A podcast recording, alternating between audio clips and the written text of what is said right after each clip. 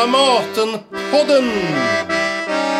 Nu eh, kommer ett samtal inspelat live under scenkonstbiennalen 2023 den 30 maj. Rubriken är Efter metoo och moderator är Carolina Frände. Ja, hej och välkomna! Det är dags att börja. Eh, ja, det kommer fler, men jag tänker att de får gå in under tiden att jag pratar lite, för jag tänker att vi har ju faktiskt bara 45 minuter på oss. Så att vi börjar när vi börjar och slutar när vi slutar, för det brukar alltid vara ett problem det här med logistik under de här biennalerna. Välkomna hit, eh, kära seminariedeltagare. Eh, Carolina Frände heter jag. Eh, jag ska hålla i det här seminariet som går under rubriken Efter metoo. Och jag ska strax eh, lämna över eh, till min panel för att de ska få presentera sig själva. Men jag tänkte börja med en liten publikövning. Jag tänker att jag skulle vilja att ni tar er tillbaka i tiden till slutet av november 2017. Ni, för, ni tänker tillbaka eh, på var ni befann er då. Och eh, kanske till och med för, tänker så konkret som i vilket rum befann jag mig när jag första gången hörde eh, det här som har blivit ett begrepp, metoo. Eller tystnad tagning som det ju hette inom scenkonstbranscherna eller kanske, te, kanske teater och filmbranschen, dans, eh, dansvärlden gjorde ju en egen hashtag som hette Tyst dansa. Eh, lite senare, några dagar senare. Men, men tänk er tillbaka och försätt er där. För jag tänker att ska man prata om efter metoo så måste man börja med man måste börja någon annanstans för att det ska finnas ett efter, helt enkelt. Så vi kommer börja där. Och medan ni tänker på det så eh, vill jag gärna lämna över till panelen här att presentera sig. Eh, och så kan man passa på att också eh, bara säga några korta ord om var befann du dig när, när, eh, i slutet på november 2017 och i vilken position och var jobbade jag någonstans och så. Ulla Lidholm heter jag och eh, har jobbat med teater i drygt 40 år. Men de senaste 25 åren har jag väl framförallt jobbat med ensemblefrågor. Varit ensemblechef och kommit de här frågorna ganska nära. Eh, jag var VD, verksamhetsledare på Teateralliansen när det här bröt ut. Eh, och blev ganska chockad, måste jag säga, över detta. Kitte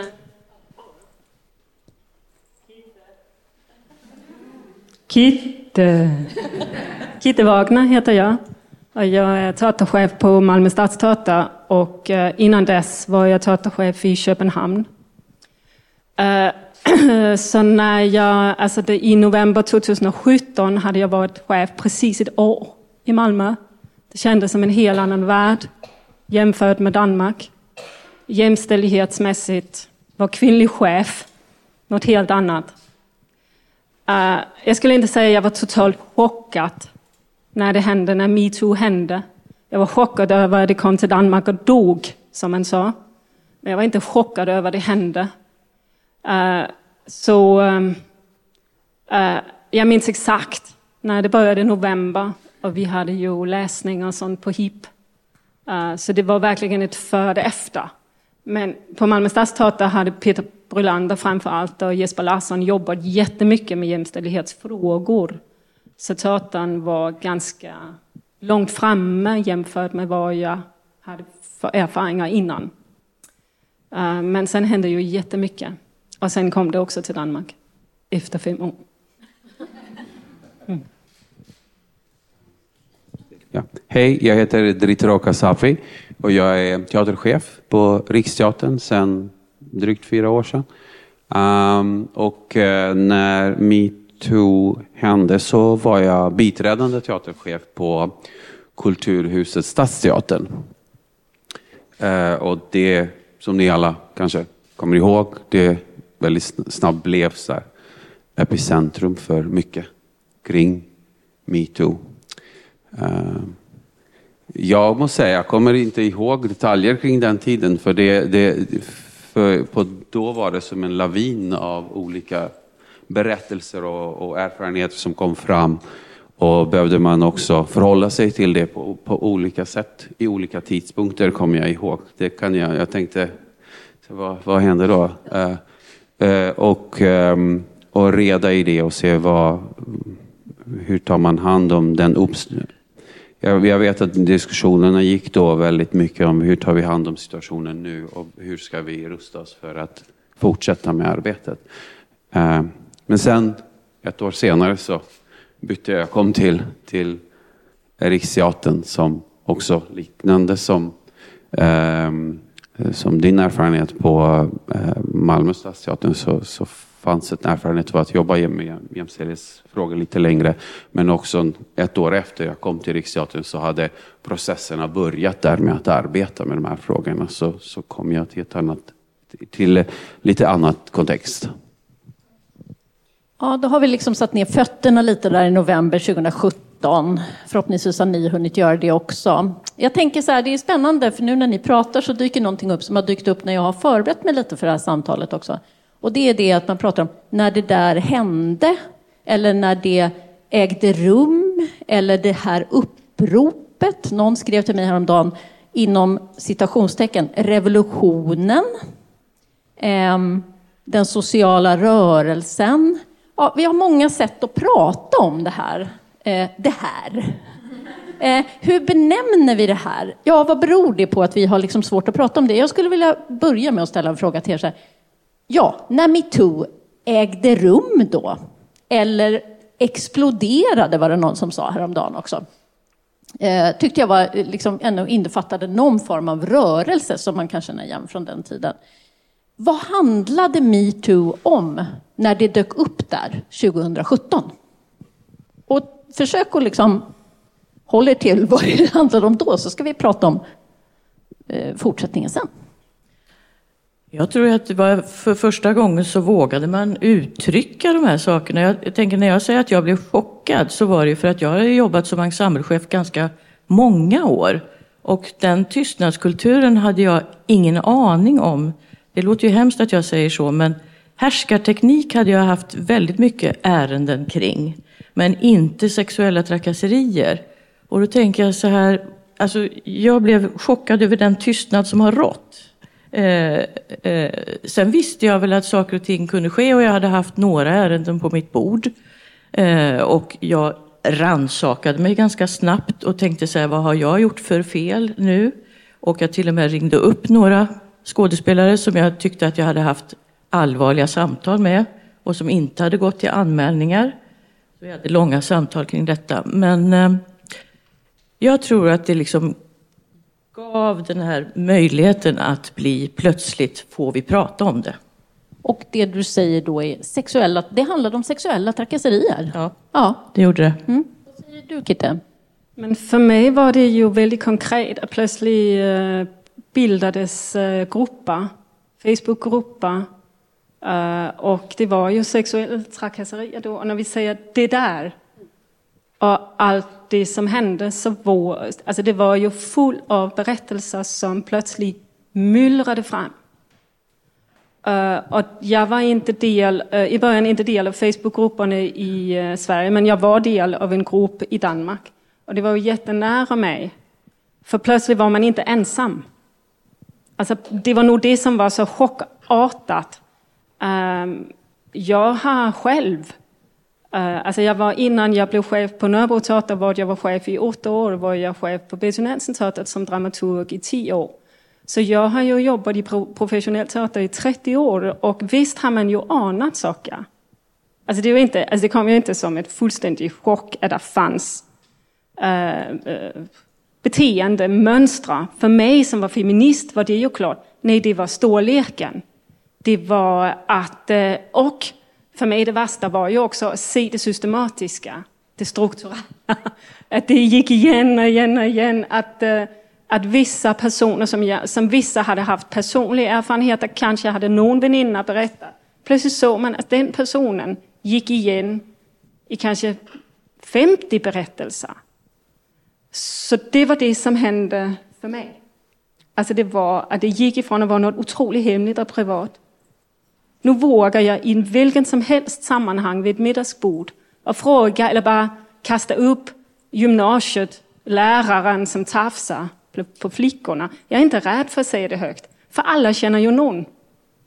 Så på ett alltså, sätt så var det tabu som liksom blev tabu, avklätt? Som... Vad säger du Ditrom? Vad handlade metoo om där och då? Ja, men, men det handlade om att Hörs jag? Ja. Um, eh, jag, tror att, jag tror att ordet tabu, tabu är väl ett, ett bra ord för att det, eh, det han...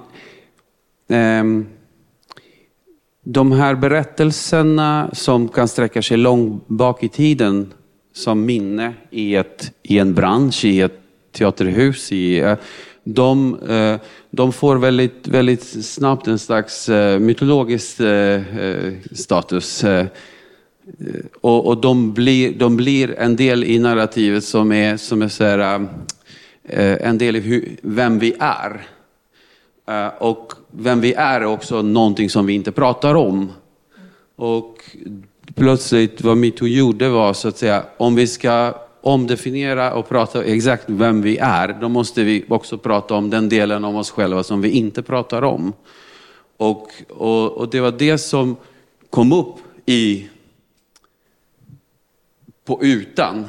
Och då, några pratar gärna om det, några pratar ogärna om det. Några pratar med mycket skam om det, inte för att de har en del i de historierna, men också för att man är en del av den branschen.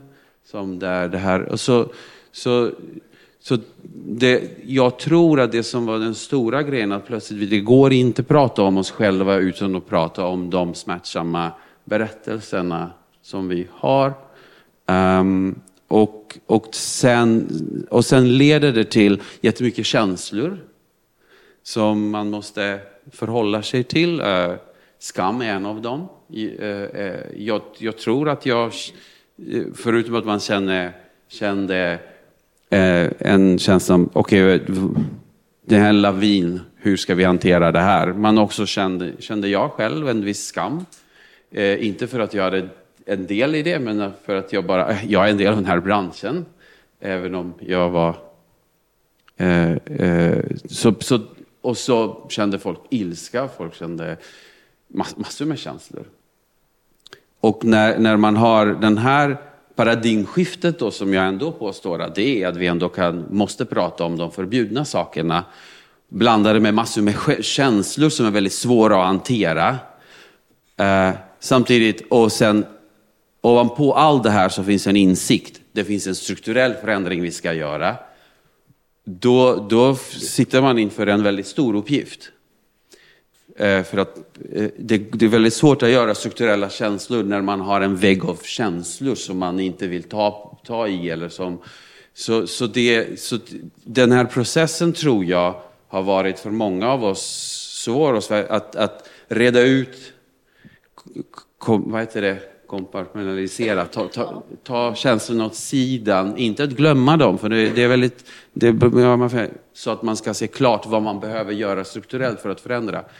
Det är det, jag tror det är den här, jag, jag tror inte vi är klara i den processen, men jag tror det är den här stora grejen som hände med metoo, för min Ja, intressant, eh, tänker jag. Nu har vi liksom lite ringat in det där, så här, vad var det där när det dök upp, tänker jag. Då kan, vi, då kan man liksom gå vidare och fundera på så här, lite olika aspekter och bland annat det du tar upp Dieter som ju handlar om också att ni alla tre har ju haft ledande positioner, alltså chefspositioner av olika slag. Och jag då som forskar om ledarskap tänker ju också på att det finns olika sätt att liksom betrakta ledarskapet som också ger ledaren eller chefen olika möjligheter eller olika förutsättningar för hur man kan hantera de här frågorna. För jag tänker att ni var alla tre i någon sorts chefsposition, även om du var biträdande chef då, så var ni alla i någon sorts chefsposition där 2017 när det här ägde rum. Och hur förhåller man sig då som chef i det här sammanhanget om man eh, när man, som du nu var inne på då, Driter, och möter den här liksom, de här mängderna av känslor, men kanske också eh, tankar, idéer som dyker upp. Eh, eh, Eh, rent liksom, eh, organisatoriska svårigheter. Det kan dyka upp mängder med saker naturligtvis. Jag är nyfiken på ledarskapets position liksom, i relation till den här situationen. Hur, hur reflekterar ni som ledare? Vill du börja Kitte? Det ser ut som att du... Mm, men jag, alltså, för nu har jag också funderat över det inför detta samtalet. Och eh, det, alltså, jag håller verkligen med Ritro. Det var en hel hög av känslor. Uh, och det fick ju också äga rum. Det tror jag var ganska viktigt att man fick känna. För det var inte möjligt inte att bara ge det massor med plats. Sen kom nästa delen som ju var ta tag i det strukturella. För min del blev det otroligt viktigt att, alltså, att hitta ett sätt att göra makten mer transparent. För för min del var det nog den största polett som verkligen trillade ner. Det fanns så mycket makt. Eh, så mycket informell makt. Eh, som inte gick att, eh, alltså den där tystnaden, ängsligheten, när vi inte pratade om det. Och i det arbetet ta tag i hur gör vi makten mer transparent? Hur får vi olika fora? Det finns ju ett systematiskt arbetsmiljöarbete. Lyckligtvis, svensk scen och film gör ju ett stort arbete med utbildning.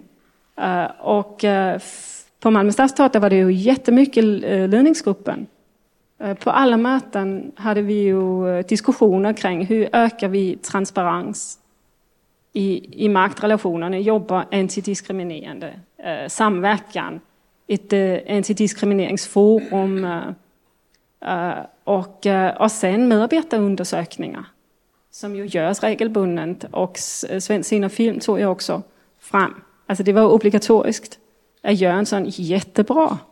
Um, men jag blev väldigt, alltså personligen som chef, upptagen av demokratiserandet och använder det då också av de strukturella, liksom, aktiverade de strukturer som, ett, som en organisation ja. har? Och i det är det ju också, alltså det som är komplext på en teater är ju också att vi dels har linjen, alltså organisationen, vi har ju hierarkiet, cheferna, mellancheferna, sektionerna. Men sen har vi ju matrisen, som är produktionerna och de konstnärliga teams. Och 90 procent av oss är ju upptagna av det som händer i produktionerna. Men de konstnärliga teamsen, alltså regissörerna då, som får stafetten på förutsättningsmötena, är ju tre månaders kontrakterade. Och hur är man som chef? Øh, alltså hur, hur jobbar man med det? Nyligen har vi bestämt på Malmö stadsteater, tror jag man gör på fler och fler teatrar, att på alla kollationeringarna läsa högt vår policy. Eh, och också förtydliggöra vad är det vi pratar om specifikt. Vad pratar vi om? Eh, när vi pratar om sexuella trakasserier, alltså ovälkomna presenter eller skämt. Alltså vad är det förtydliggör? Eh, och det är ju en liten partypooper att ta fram en sån på en kollationering. Men, men det har uppskattats framförallt av frilansarna. Uh, så ett sånt, alltså det är som små steg framåt. Jobba med det. Vad säger du Dritro, som, som ju bytte chefskap liksom, mitt i den här vågen på ett sätt också. Du har ju erfarenheter från två platser. Ja, men ja, det Självklart i, på, på Stadsteatern var väldigt speciellt för det var, det var där som, som det, det var den stora elden så att säga. Med allt som det hände. Um, och eh, om, man ska, om frågan var hur, vad gör man då när det händer? Då, ja, då, som chef tänker ja, jag. Så hur man liksom... då,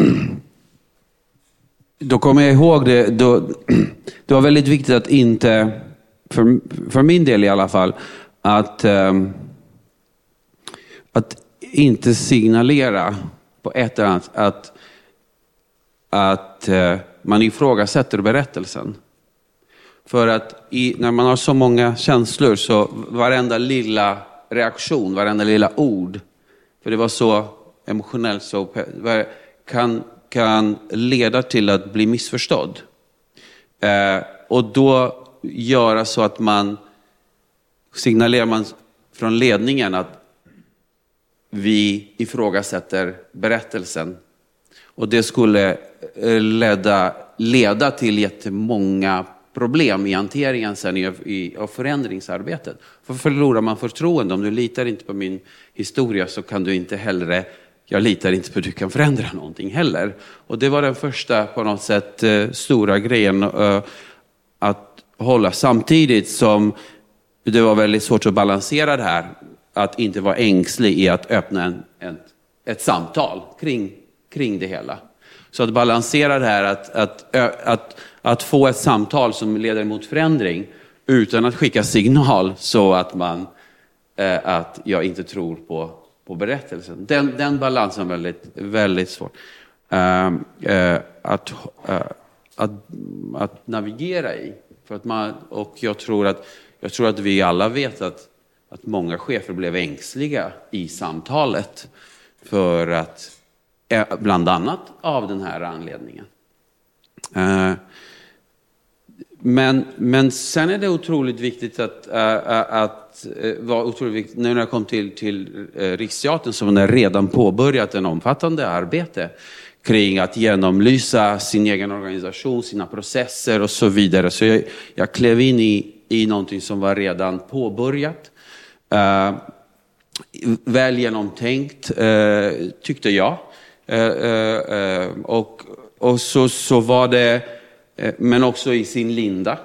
Och också försökte förstå vad, vad, vad handlar det om? Vad är det i vår organisation som leder till den tystnadskulturen, till, till och så som jag, nu har jag några kollegor här som var på den tiden, som jag förstår det var bara en under alla, alla åren, en anmäld sexuell eh, eh, trakasseri, ett ärende som hade det. Och det var en under alla år. Det betyder inte att det fanns inga eh, som var oanmälda, men det var en som var anmäld. Um, och, och, då var det antingen, oj vi är så bra, eller det finns en tystnadskultur i det hela. Så det, det var den här som vi behövde gräva i. Och sen, um, sen antog vi någonting som, uh, som kallas för uh, uh, Code of Conduct. Vad är, bemötandekoden. Och bemötandekoden var på något ett sätt för oss att, att definiera lite förhållningssättet till varandra som ska genomsyra alla processer i alla våra delar av organisationen. Eh, som ni vet, vi är både en nationell organisation, produktionsteater och en rörelse. Vi kunde inte besluta till rörelsen att de ska, de ska göra, anta den här bemötandekoden. Men vi nationellt först antog den. Och den, den är väldigt enkel. A party pooper kanske, i sin sätt att definiera. Men i sin enkelhet och tydlighet också en väldigt bra hjälp till att föra samtalet. Och det var det som jag tror jag, vi upptäckte efter ett tag. Den är bra hjälp, men vi måste också kunna föra samtalet med hjälp av den här bemötandekoden. Och för att göra det måste vi skapa en gemensam kultur hur vi för det samtalet. Hitta gemensamt språk. Mm. Och, och, och den är en längre process än att sitta och anta en, en bemötandekod. Mm. För att när vi sitter med varandra och säger vi ska vara schyssta mot varandra. Det står där. Vi ska inte, det, det finns sex eh, diskriminerings eh, postulater där vi får aldrig kliva, eh, bryta och så vidare.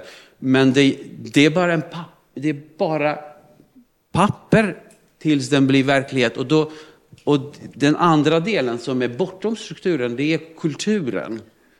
Och den, den, det är en längre process.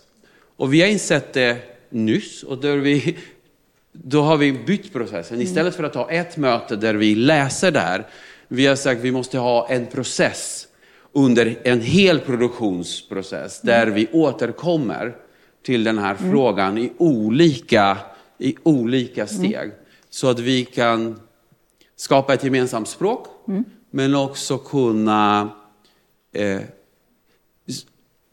en, en annan sak, förlåt. Jag är lång, ja, nu, nu är du väldigt långrandig. Jag, jag, jag, tänker, kan men, du spara den lite? Nej, jag måste Nej. avsluta okay. annars kommer jag glömma mm. den. Men det, ja. Äh, ja. precis. Men det var också den här frågan kring, äh, kring äh, det, ibland när man pratar om det här, vi ska nu jobba med att vara schyssta mot varandra i en organisation. vi, vi sätter lite en, en målbild att vi ska vara konfliktfria arbetsplatser. Och, och, det, och, och, och jag tror målbilden är väldigt farlig om vi ska säga att vi ska vara konfliktfria arbetsplatser.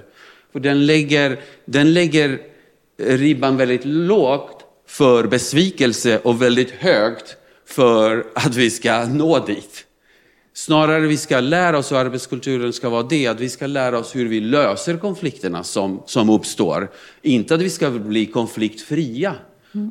För att om vi är konfliktfria, då har vi ingen verksamhet. Så, så det, det, det, här är lite, lite balansgången som vi måste, vi, vi måste göra. Och den här processen tror jag som vi har inlett, förhoppningsvis, jag ser på mina kamrater här som jobbar mm. mycket med det, som, eh, som eh, jag hoppas att vi når.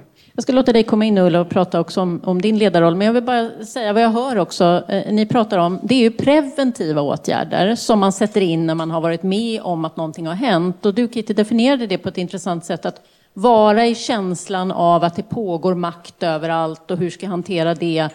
Och att dessutom då hitta strukturella sätt sätt att aktivera strukturen. Du har också varit inne på det Dritro. Men jag tänker det fanns ju en väldigt viktig del av metoo som handlade om att bearbeta erfarenheter också. Och nu har vi liksom lämnat lite, för nu sa du sådär, vi ska vara schyssta på arbetsplatsen. Om vi ska vara liksom konkreta så började ni med att säga, ja det här handlar om sexuella trakasserier. Nu har vi flyttat oss till, vi ska vara schyssta på arbetsplatsen. Och jag vill bara göra det medskicket, jag kommer strax att ställa den frågan igen tänker jag. Eh, håll den i, eh, medan Ulla får eh, säga, för du jobbar ju väldigt nära den gruppen skulle jag säga som var central i tystnadtagning, det vill säga artister, skådespelare som står på scenen, som ju var faktiskt de som tog initiativ till tystnadtagning. Mm. Ja, det är mycket som har sagts nu. Och jag tänker också att, att jobba med det strukturella, det här för, ett före och ett efter.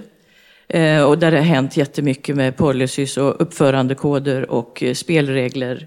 Och jag upplever som att vi har kommit dit att vi har eh, det administrativa klart så att säga, men vi har inte riktigt implementerat det här, att få det att fungera riktigt i vardagen. Men vi är väl på väg att göra det. Men eh, vi hade på Teateralliansen så satte vi igång och ha seminarier kring de här frågorna och vi hade till och med ganska känsliga seminarier där vi jobbade med psykologi. Vi hade eh, en psykoanalytiker och psykoterapeut hos oss som jobbade med, med Alliansens skådespelare som jag tyckte var väldigt intressant. Eh, det handlar om de små stegen för mig. Eh, som ensemblechef har jag också jobbat stenhårt för att vara tydlig när man tar emot skådespelare, nya skådespelare, frilansare på teatern och pratar om att vi vill att du att jag, jag vill att du kommer om det är någonting.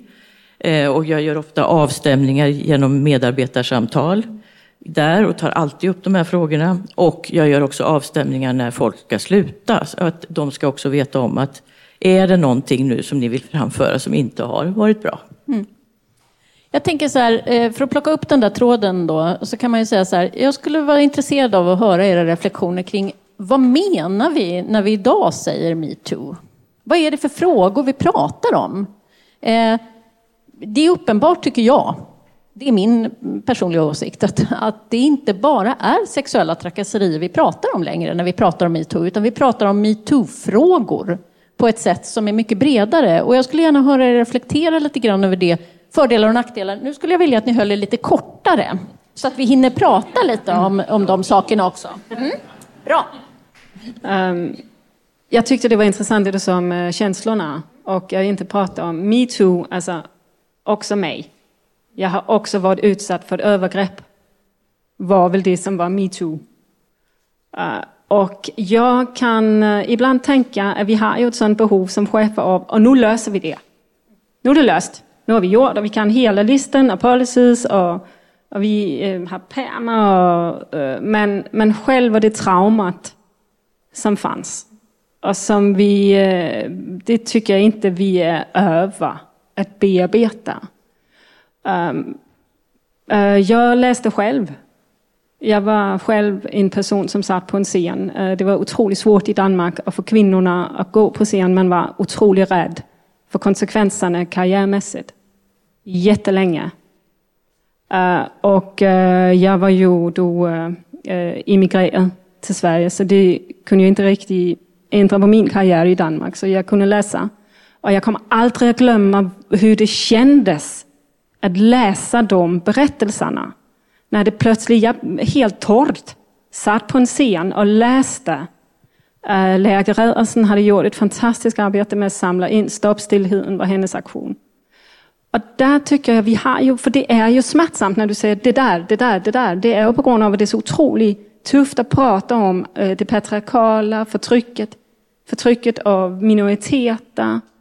Har du lust att säga någonting Kit om vad du tänker att metoo syftar på idag? Så att säga, om du skulle reflektera över när man säger ja det där är en metoo-fråga, vad menar man då idag? Alldeles oavsett hur du så att säga, arbetar med det på Malmö stadsteater. Ja, alltså det har blivit väldigt brett och, och ibland blir det också, alltså vissa använder det också som ett, uh, alltså som ett ord som man använder väldigt negativt. Ja, metoo. Nu blir det metoo allt. Allt är metoo. Uh, eh, vilket det verkligen inte är. Och det är ju på grund av att alltså, du har tagit något som är begreppshygien så vi blir specifika. Metoo, jag har också varit utsatt för övergrepp. Vad säger du Ulla? Vad betyder metoo idag? Jag upplever det nog som att man har blivit mer öppen och vågar ändå prata om metoo och de, om man blir utsatt på något sätt, vilket jag har varit med om efter metoo, att jag har fått sådana frågor på mitt bord. Och eh, det tycker jag är väldigt positivt att man gör att man kan diskutera det. Men framförallt tycker jag också att metoo handlar om härskarteknik idag. Så makt, maktproblematiken tycker jag är jätteviktig. Får jag lägga till en kod? Alltså den här eh, Cancer Public som, eh, som du också eh, ja. har refererat mm. till säger ju att ganska många chefer tycker det är jobbigt. Det är ett jobbigt samtal. Fler eh, manliga chefer än kvinnliga chefer, alltså enligt undersökningen, tycker att det är ett jobbigt samtal.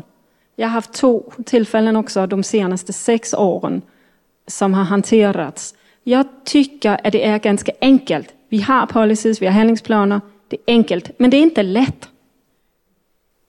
Den skillnaden är viktig för mig. Det är inte lätta samtal, men handlingsplansmässigt är det ganska enkelt. Blir det anmält så har man plikt att hantera det efter en handlingsplan, rättigheter, skyldigheter alla ska bli hörda. Men jag kan tänka mig att i det där känslomässiga klimatet är det massor med undertexter. Mm. Vågar jag? Hur kommer chefen att känna? Mm. mm. Allt det där. Och då är det vår uppgift att göra det så enkelt som möjligt. Att man aldrig någonsin visar att man tycker det är jobbigt. Nu snodde jag ju lite din, din formulering där, Dieter, det här med oschysst, att vara schysst mot varandra och så. Eh, men jag tänker att, att det där är ju verkligen intressant när det dyker upp. Eh, för, för någonstans så har det kommit nästan att bli, bli någonting som är likvärdigt med likabehandlingsfrågor på något sätt. Alltså ett, ett begrepp som har liksom flödat ut och blivit ja, kanske kidnappat kan vissa tycka och fyllt med annat kan andra tycka. Vad tänker du kring, kring det? Det, det, det ligger det ligger mycket i det du säger. Samtidigt, eh, om man ska, Ehm, om man ska eh, tackla problematiken på riktigt, då måste man säga strukturellt. Och när man har, och strukturellt ser vi att det handlar om maktmissbruk. Eh, och eh, sexuella trakasserier är en yttersta, kan man kan säga, den yttersta så att säga, uttrycket för maktmissbruk. Och om man ska då förändra, strukturellt förändra en organisation så att den här maktmissbruken blir omöjlig, så inbegriper det alla andra former av maktmissbruk i en organisation. Och då, och då pratar man om alla olika former också. Um, sen kanske den osynliggör just den sexuella, sexuella trakasserien som maktmissbruk. Eller kan man argument, andra sidan argument, att argumentationen kan vara att men om vi nu strukturellt tacklar, omöjliggör maktmissbruk, då kanske den har positiva effekter också i den sexuella trakasserian som är då det, enligt mig då det yttersta då, uttrycket av det. Så det är på något sätt eh, där och då, då kanske därför pratar vi med en bredare eh, eh. Ja, det är ju, det är, min avsikt är inte heller att, att säga att det ena är, är bättre eller sämre än det andra, utan mer en fråga om att när ett begrepp liksom färdas över tid och genom människor så kan det också vara så att det börjar låna ut sig själv till saker som eh, både hör hemma där och inte hör hemma där. Och ett likabehandlingsarbete kan ju absolut höra hemma där, men det kan ju också vara så, som Kitte sa, att eh, plötsligt så börjar man använda det här begreppet för att eh, ja, på något sätt eh, benämna saker som är liksom lite eh, utmanande, normutmanande, förändringsbenäget. Eh, ja, nu är det lite så här metoo igen. Ehm, och det eh, tänker jag är liksom intressant, att det, att det blir så. Jag tänkte att jag skulle ställa också frågan, eh, eh, det är ju så här att för ett år sedan ungefär så gjorde Svensk scenkonst och Scen och film tillsammans en eh, enkät för att liksom följa upp eh, lite sådär fem år senare. För det var faktiskt fem år sedan, det är nästan sex år sedan nu. Eh, och då pratade man ju om, eh, då pratar man ju ofta om det här upplevelse av trakasserier. Man pratar inte om huruvida det har hänt eller inte, för att det där är ju en, upp, eh, en, en, fråga som handlar om den enskilda individens upplevelse och sen ska man relatera den då till ett kollektiv som vi alla utgör tillsammans. Och då var det ju så här att i det där, jag, jag, tyckte det var så himla spännande därför att det dök liksom upp som en nyhet och alla som pratade om det medialt och så lät liksom lite så här chockade. Och ja, och det, och det här framkommer i den här undersökningen att det har ju inte hänt så mycket. Det blev liksom en icke-nyhet på något vis. eh, och visst, det fanns en viss skillnad. Man kan säga så här att det hade hänt mindre eh, i scenkonstbranschen än i film. Eh, I filmbranschen upplevde man sig fortfarande vara liksom, eh, i princip status quo skulle jag säga. Om man tittar på liksom mät mätinstrumenten. Det är ju också så att det är inte statistiskt säkerställda undersökningar för det är för få som har svarat och så vidare. Men man kan säga att skillnaden i scenkonstbranschen var ja, några procent upp och ner. Det är lite olika frågeställningar. Jag tror att ni minns det här. Jag tycker det är en spännande fråga att fundera över. Så där, för att, vad, vad tror ni, eh, hur tänker ni kring detta? Vad, vad beror det på? Eh, alltså kan man, jag säger inte att det finns en orsak. Det kan ju vara liksom allt ifrån att det faktiskt inte har hänt något då, eh, till att vad är det man räknar in i den här frågan numera?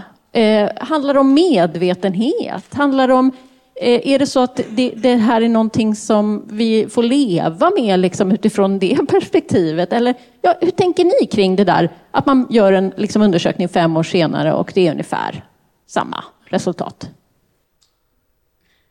Ulla, vill du börja? Nej, men jag tänker att det är verkligen så, tänker jag.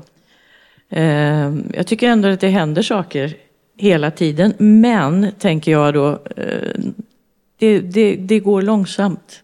Och det handlar om ett steg i taget i princip. Sakta men säkert, ett steg i taget.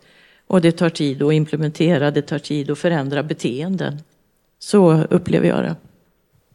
Vad säger du Kitte? Ja, men jag, var, ehm, alltså jag tänkte att vi ska prata med en forskare och det är ju rätt härligt. Alltså också din begreppshygien. Uh, tack för den.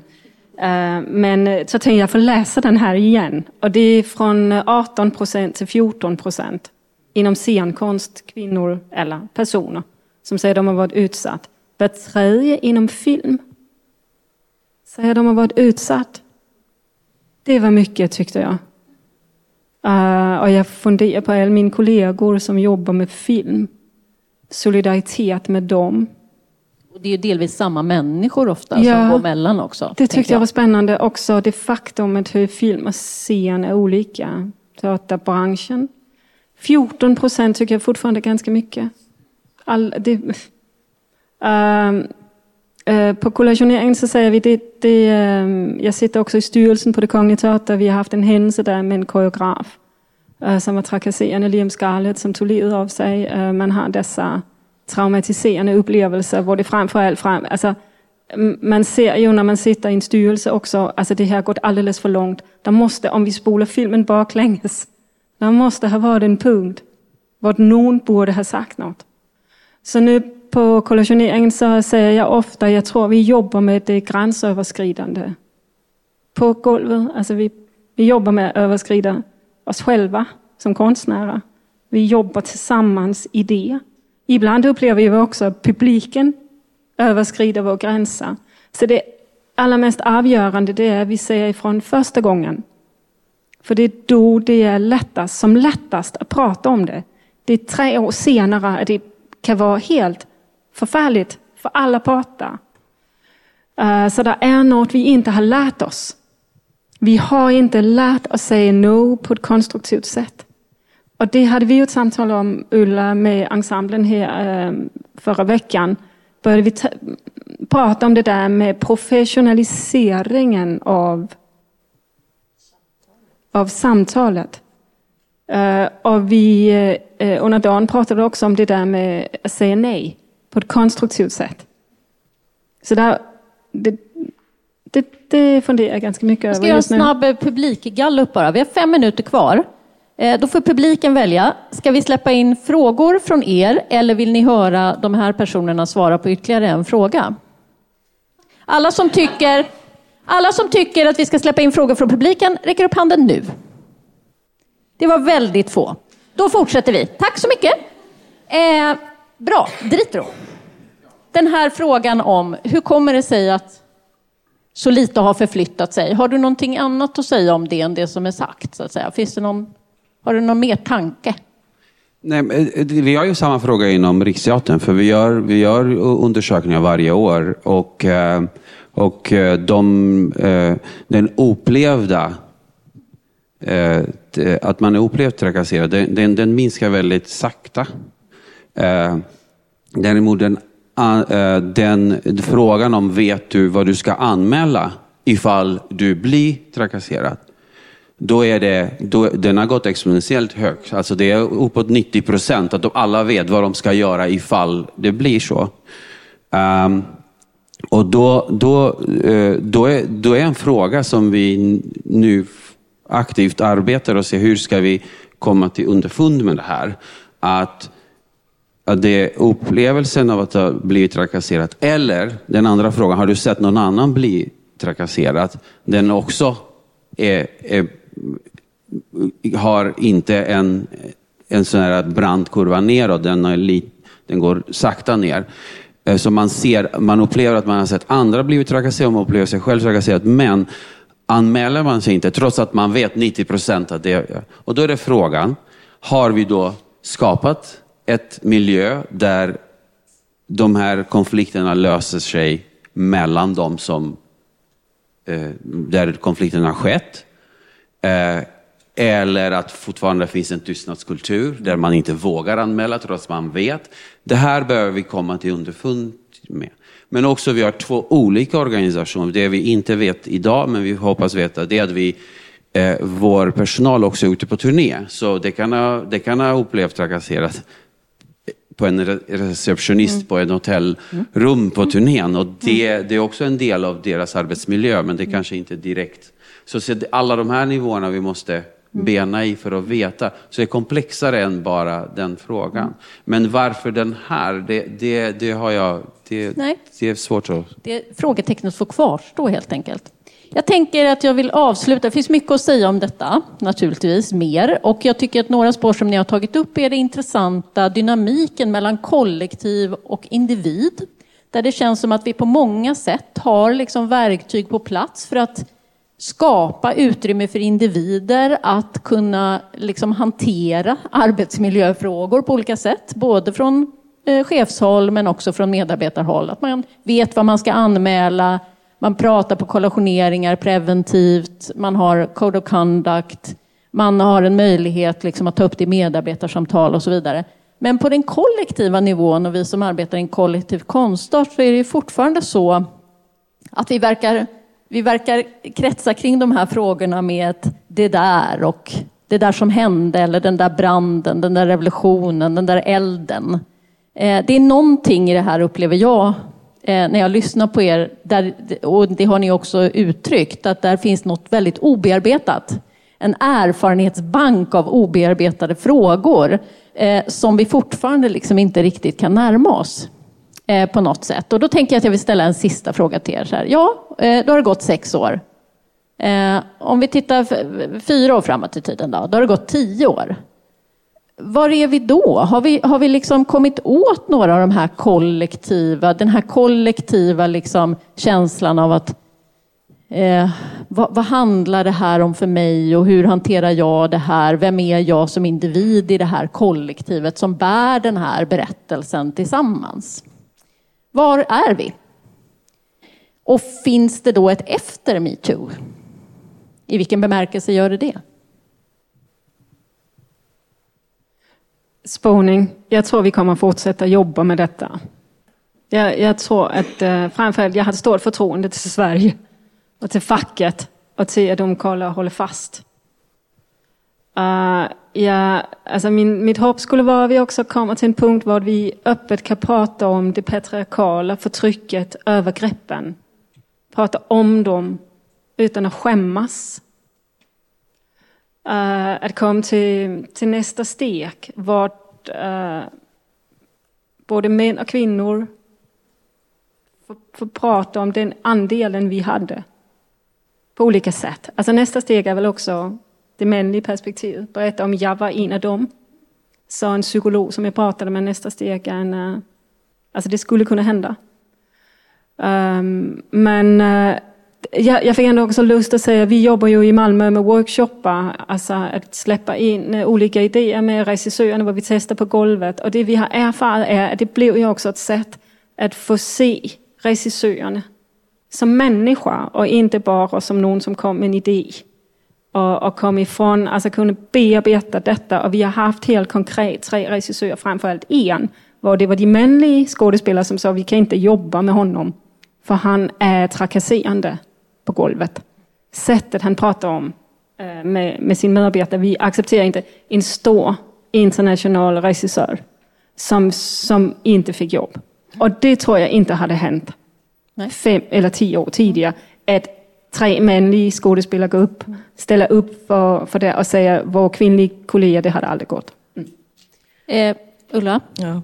Kitty sa massa bra mm. saker nu, men jag bara vill fylla på och säga att eh, jag tänker att man, jag vidhåller det är svårt att svara på frågan, men jag tänker att vi har nått längre för vi tar de där små stegen och jag skulle önska att det blev en, en bättre maktbalans mellan ledarskapet och medarbetarskapet och att man tar ett större ansvar och lite som vi har pratat om också att professionalisera samtalet. Vad säger du Ditro? Jag vet inte om jag kan tillföra något mer än vad, vad som ni sa. Men att vi kommer jobba med frågan framöver för att så länge vi måste i, vår, i, i både i chefskap och medarbetarskap men också i de konstnärliga processer. Det är en ständig förhandling av maktförhållandena mm. så länge vi, vi kommer att vara i det situationen, vi kommer att vara i framtiden också, då, då kommer vi hantera dessa frågor. Mm. De kommer morfa kanske, de kanske heter någonting annat. Men vi kommer vara i, ständigt, i, i, i ständig process kanske som Ulla säger, mycket mer medvetna över mycket mer efter metoo än vad vi var innan metoo. Så på ett sätt kan man säga då att metoo har inspirerat oss eller fått oss att få upp ögonen för maktfrågor helt enkelt. Eh, och att metoo på något sätt lever vidare, både i egenskap av det det faktiskt handlade om från början, förhoppningsvis, och kanske under andra beteckningar. Eh, i det det har kommit att handla om. Jag tänker att jag vill tacka er jättemycket och så tänker jag att jag ska avsluta med att ge publiken tre stycken litteraturtips av olika slag. För jag tänker att det är liksom genom kollektiv kunskap som det här blir möjligt att diskutera. Eh, det första är en forskningsrapport som har gjorts på, eh, av en eh, forskargrupp som har sysslat med att granska och titta på metoo-berättelser. Den heter Maktordningar och motstånd, forskarperspektiv på metoo i Sverige. Den är alldeles nylanserad, eller ganska nylanserad i alla fall. Sen tycker jag också att det finns två stycken mera, kan man säga, självbiografier kan man väl kalla det. En sorts eh, rapporter från arbetsgolvet som kan vara värda att eh, fundera på ur metoo-termer, därför att där nämns det också. Det ena är Sara Kristofferssons bok Hela havet stormar, som handlar om hennes, eh, eh, den situation hon hamnade i på Konstfack, där hon var professor, eller är professor. Och sen vill jag också, en mer kontroversiell bok som ännu inte liksom har riktigt eh, varit uppe i debatten, men Lina Makbull som är journalist och anställd på Uppdrag granskning eh, har skrivit en bok om eh, följderna av att hon eh, granskade gjorde en granskning av eh, situationen som uppstod när Fredrik Virtanen eh, fick sparken från Aftonbladet efter att Cissi Wallin hade anklagat honom för sexuella trakasserier och övergrepp. Och den är väldigt ny, den boken. Och den tycker jag också säger någonting om hur, hur ett fenomen kan färdas på olika sätt. Så den kan jag verkligen rekommendera om man är intresserad av liksom den kollektiva känslomässiga bearbetningen och vad kan hända. Den heter... Eh, eh, vänta. Ja, Revolutionens första offer heter den. Revolutionens första offer. Mm. Den finns också inläst om man vill lyssna på den. Det är ju inte så trevligt att få det rakt in i örat kanske, men man kan pröva. Eh, hur som helst. Ja, det är ju en roman, en fiktion. Ja. Jag tänkte vi skulle hålla oss till liksom mera rapporter. Sådär. Men tack så hemskt mycket panelen, tack publiken.